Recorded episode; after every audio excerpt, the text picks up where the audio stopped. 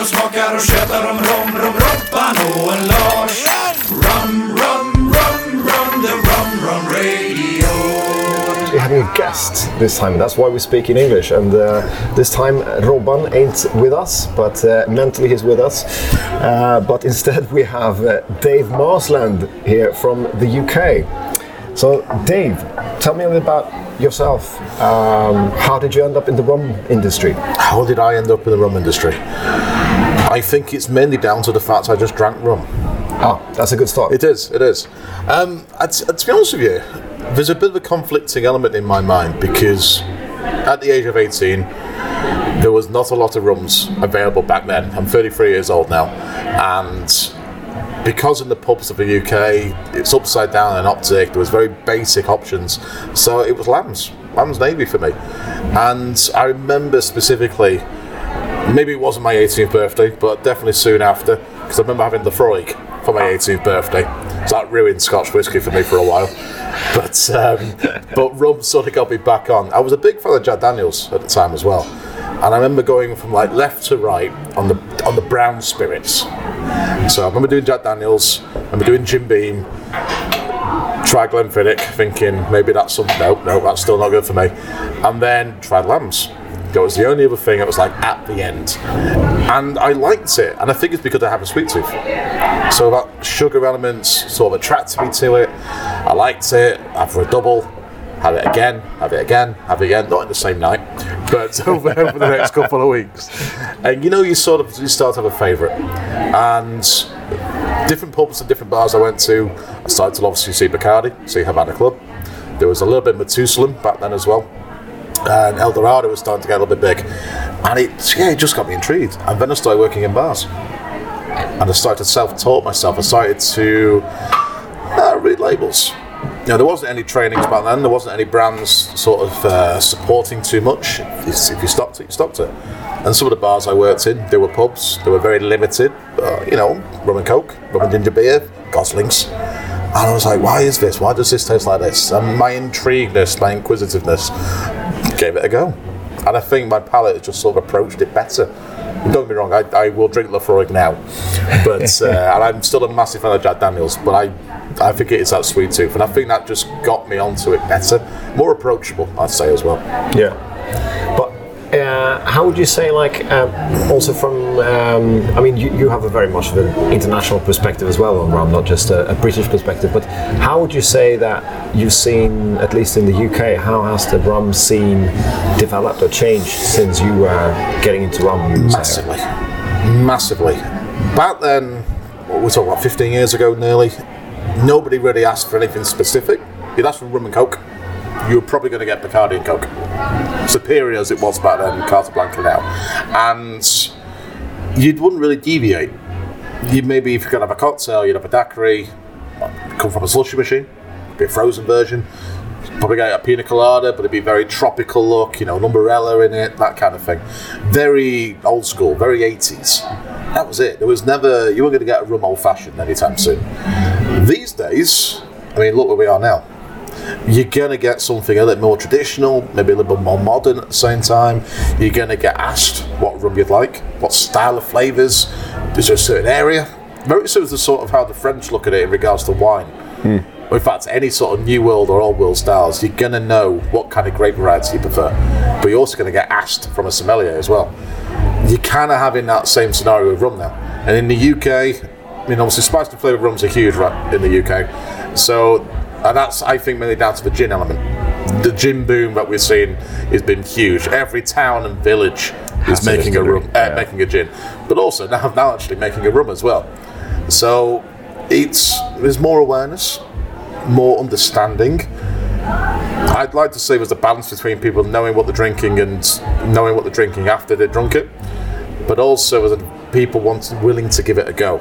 You know, when it comes to festivals, tastings, even the last two years of COVID, people have started to understand better what's they're actually you know what's in their rum, especially when it comes to sugar content as well. You know, we were saying before about how people's legislations are in the UK compared to other areas of the world as well.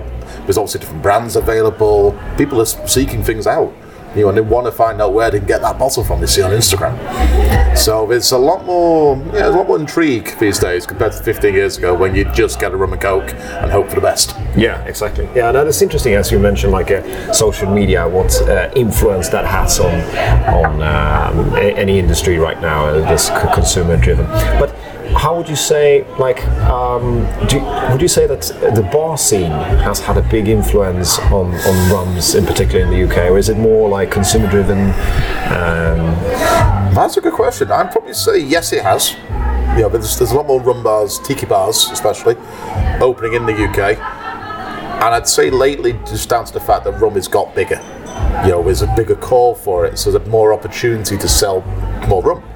Um, yeah, the old school guys like Trailer Happiness, like Laki Kane, um, Liars Club in Manchester, Tiki Bar and Keach in Glasgow, they've readapted themselves to this current trend now. Social media and consumer driven element has helped because it gets more awareness, gets the out of towners to realise what's happening an hour away from their home uh, or on their next vacation or even a business trip. You know, if you go into the capital, I've just said there, try something like Black Parrot because there's a similarity with some rare rums. But if you like your tiki drinks, probably got Laki Kane for that Polynesian style, you know? So there's always a different option. And if you think about it, a lot of these guys wouldn't know about it if it wasn't for social media, if it wasn't for that engagement with customers.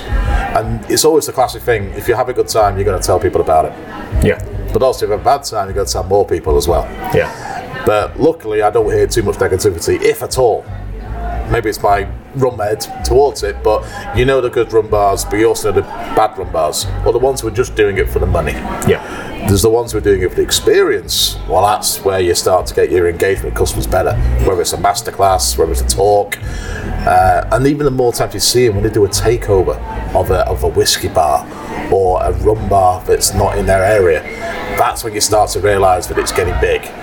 Yeah. And sometimes the only way you know that is Instagram or Facebook or any sort of social media, even TikTok these days, God forbid.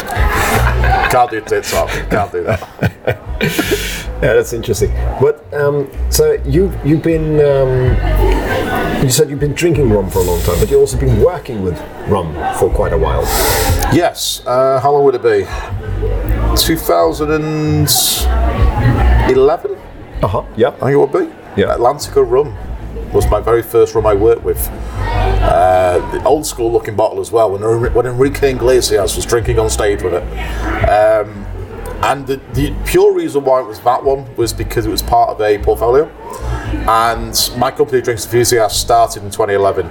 And the opportunity to work with a, uh, it was a gin brand back then, that they also looked after or brought into the UK, uh, Atlantico. And I instantly loved it because it was smooth. Yeah. I never really had anything from the Dominican Republic before. I had Matusalem, but I didn't put two and two together. I didn't know much about rum back then, but I knew enough to sell it. And I remember doing a tasting in Selfridges in Manchester. Very high end, uh, not not a cheap bottle in its own right, and it went straight away. Remember I only had about maybe six, seven bottles. It's like this is this is 60, 70 pound a bottle. People loving it. I mean, it, it tasted amazing. It was the private cask at the time. Uh, I don't think they do it anymore, and I think for that reason I have a bottle at home. it's like it's like the first one. Isn't Yeah. it? Yeah. Um, I've got a bottle of lambs as well. That was my first one, but um, and it got me to understand. But it also got me to understand trends better. How consumers approach rums like this. Um, I think I was with them for maybe t- just over a year, um, and then Chairman's Reserve came knocking, and Chairman's Reserve is legitimately my favourite rum. I still have my first ever bottle I bought, and the reason why I bought that was because it was a small bottle, wasn't tall and thin, Yeah. short and dumpy, stood out on the shelf. Uh, and like I say, back then it was it was your tall thin bottles of Bacardi, Havana Club, Matusalem, and so on. Um, and I instantly fell in love with it, of how versatile it, it was, and still is to, uh, to this day. And the opportunity arose around about the same time because I needed a cocktail competition for a trade show I work with. And I wanted something that was different, but also something that could get people, well, experimenting. And I thought, you know what, I'm going to reach out to Chairman's Reserve, the importer at the time, and see what the response was. We did it. We did amazing cocktail comp. And what we are now, nine years later, I'm UK brand ambassador for well the last nine years, and preaching it to a global element. So obviously I'm here in Sweden today doing the same thing. Uh, been in St Lucia, been working in Germany with it as well, and supported the people in even Australia to America. You know, it's to have that sort of nine years of working solidly with a brand from St Lucia and the wider portfolio, you know, the Admiral Rodney, the Bounty as well, uh, has really sort of paid off. And it is because of Atlantico. Atlantico was the reason why I started to look into rum Okay. and understand it better. And it's interesting how one single experience like that can kind of alter or change your future or set a, different path. Yeah, that's, that's very interesting. But you mentioned uh, also a rum festival. I did. Yes, can I you tell me more about it? Go on then. So I own Manchester Rum Festival. Yep. Uh, it's been around since 2017, um, minus the last two years, granted, but we got there in the end. Um, so it's Manchester's first ever one. There's a handful that sort of trying to pop up since, but I think once they realise that the kind of people I go for, it's it's the ones who want to understand, who want to experience, and also talk to brands face to face. If you've got a question, you're going to get a good answer. And for that reason, I actually asked. I remember asking uh, a friend of mine, Lyndon. So Lyndon Higginson owns Liars Club. And he is Mr. Tiki for Manchester. Uh, he's done a very, very good job. Liars Club is 10 years old, or he's 11 years old, sorry, this year now. Uh, and he defined how the North approaches rum, in my mind. And I remember, remember probably remember asking him, like, have you ever thought of doing a rum festival? It's like, I, just, I haven't, you know, lack of time maybe, I don't know. So would you be offended if I did one? I, he, he said to himself as a feel free as long as we do the after party. it's like absolutely fine, not a problem at all to do that. so um, we did, did the very first one. Uh, 350 people in the in the venue at the time. Played it quite small, just to. It was still like kind of the rum boom hadn't happened. What we're in now, people were still a bit on the fence with what rum is. Um, but I've just made it experiential. You know, we got a nice welcome drink. We did a Pusser's painkiller on arrival. Um, we had, I think, 24 brands there uh, across maybe 15 different stands. So a good variety and not all spiced and flavoured. You know, we had obviously St. Lucia Distillers were there. Uh, we had Amathus with Clement and JM. Uh, Bacardi and Havana Club were there as well. But we also have enhanced some small independents from across the UK. Um, the names just escape me off memory right now. I'm getting a bit blurred in with all the festivals happened since then. But it was a good balance, which I think is lacked. Because the only other really big rum festival in Lon- in uh, the UK is obviously in Burrell's at London, and that's 15 years old now, off Yeah. memory. Um, there was not really anything else north of that. Uh, Leeds have got a very good one now as well. They started about the same time I did. Um, but yeah, so we, we, we don't try and outrival each other. We just try and offer our area something a little bit different. So this year, it'll be on June the 18th. Get your tickets. There are some great um, Swedish contingents flying over already, so that's always good to see. Um, and there's 48 brands, so we've practically doubled it over the last three or four That's years. fantastic. Despite some of the COVID restrictions from people flying in, uh, it's not sort of deterred them. Um, yeah, it's going to be good. Liars going to be doing a pop-up bar. I've got the guys at Niamin doing some great food, uh, so they're coming up from London, uh, doing a nice little pop-up restaurant in the venue. And the good thing is, it's like a rum market. So some of these rare rums are under the, under the table. You can still buy there and then as well. So Ah, it's a great buy- opportunity to try All some right. new things and take it home there, and not have to wait to find a retailer who's going to stock it later. So it's a basically it's a, it's a rum market. That's fantastic. Uh. I wish we could do that in Sweden. It's uh, certain um, legislation making that difficult. Ah. Um, well, that's how it is.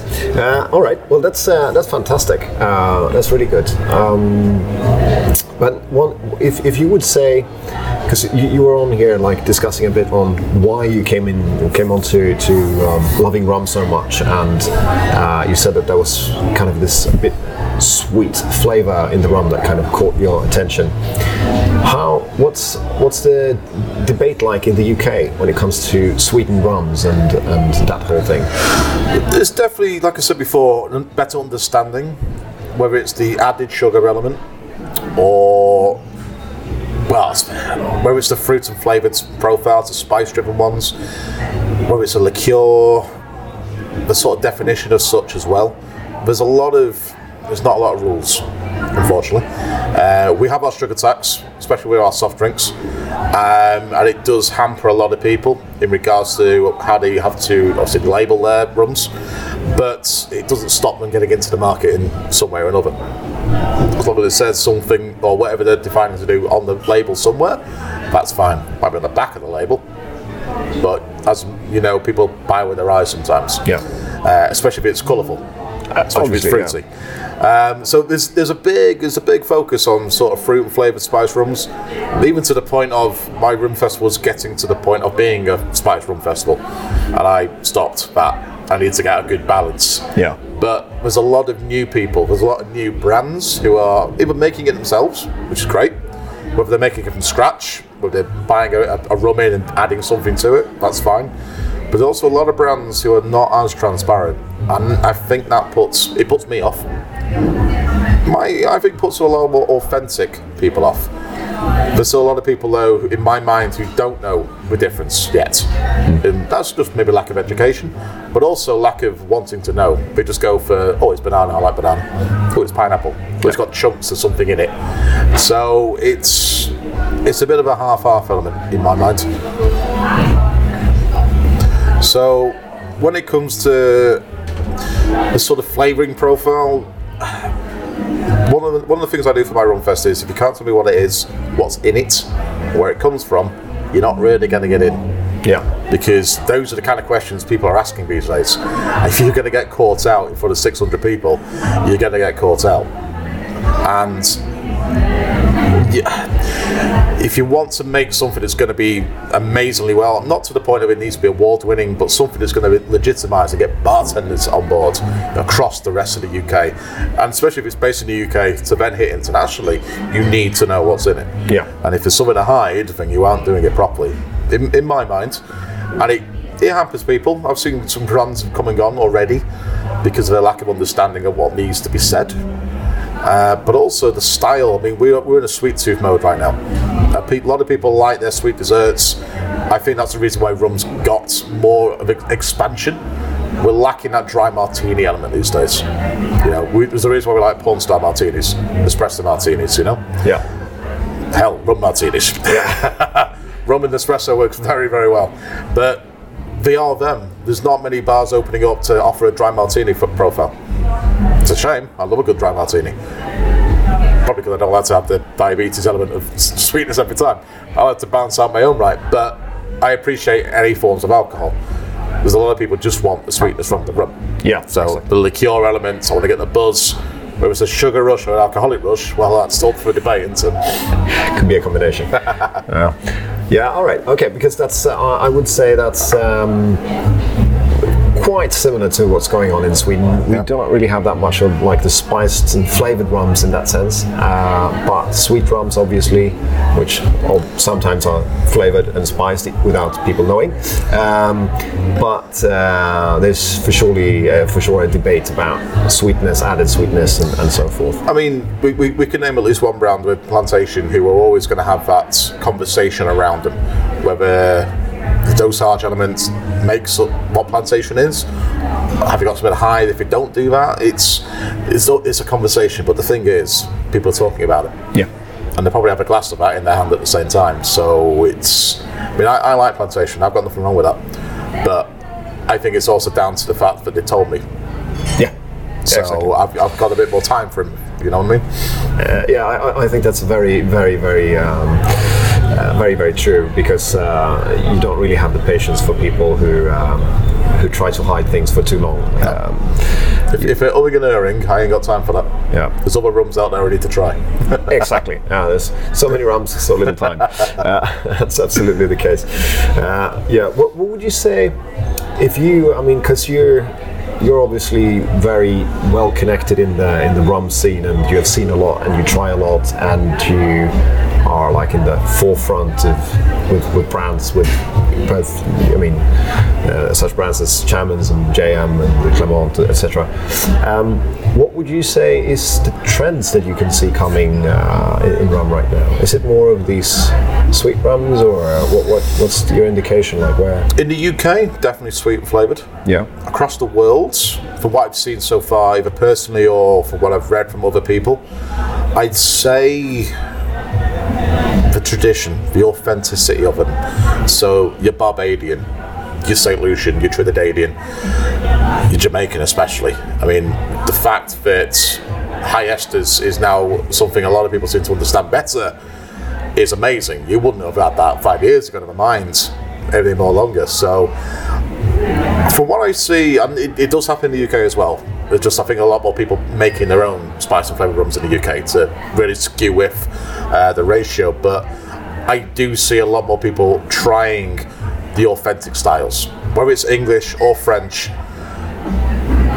Spanish as well. I'm going to say I'm going to say Dutch, but there's not really much Dutch element there. Uh, I mean, that's very old school of me. But um, but that's the thing. But there's a reason why people like a good Foursquare. There's a reason why people love the next edition from Mount Gay. Even St Nicholas Abbey, you want to give it a go.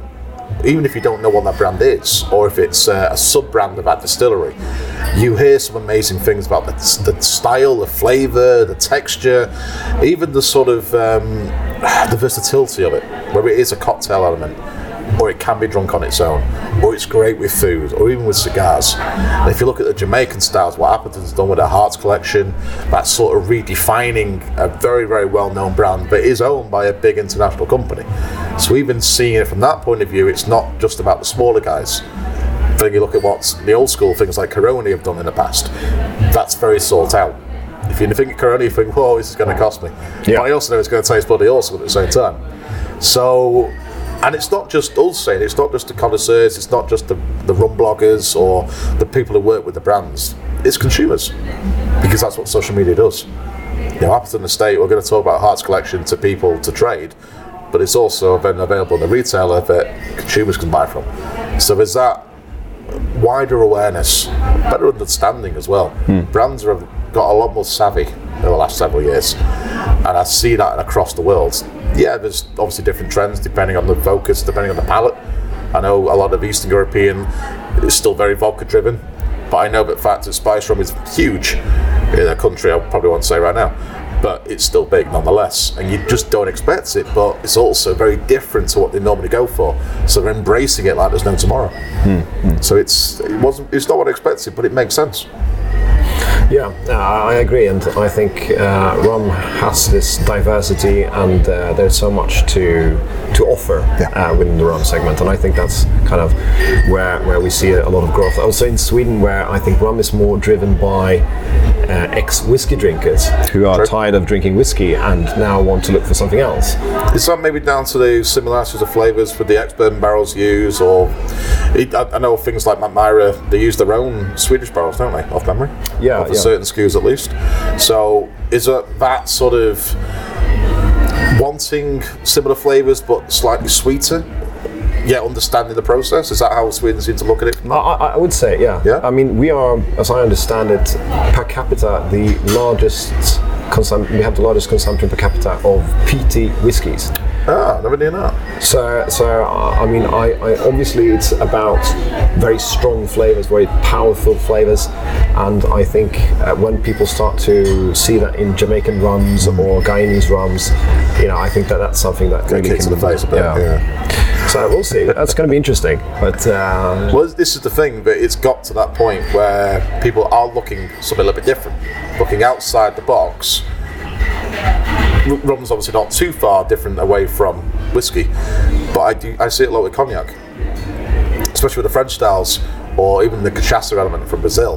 That sort of grassy note, slightly fresher. They get the similarities, and they're not as scared, despite it having a different name for that category.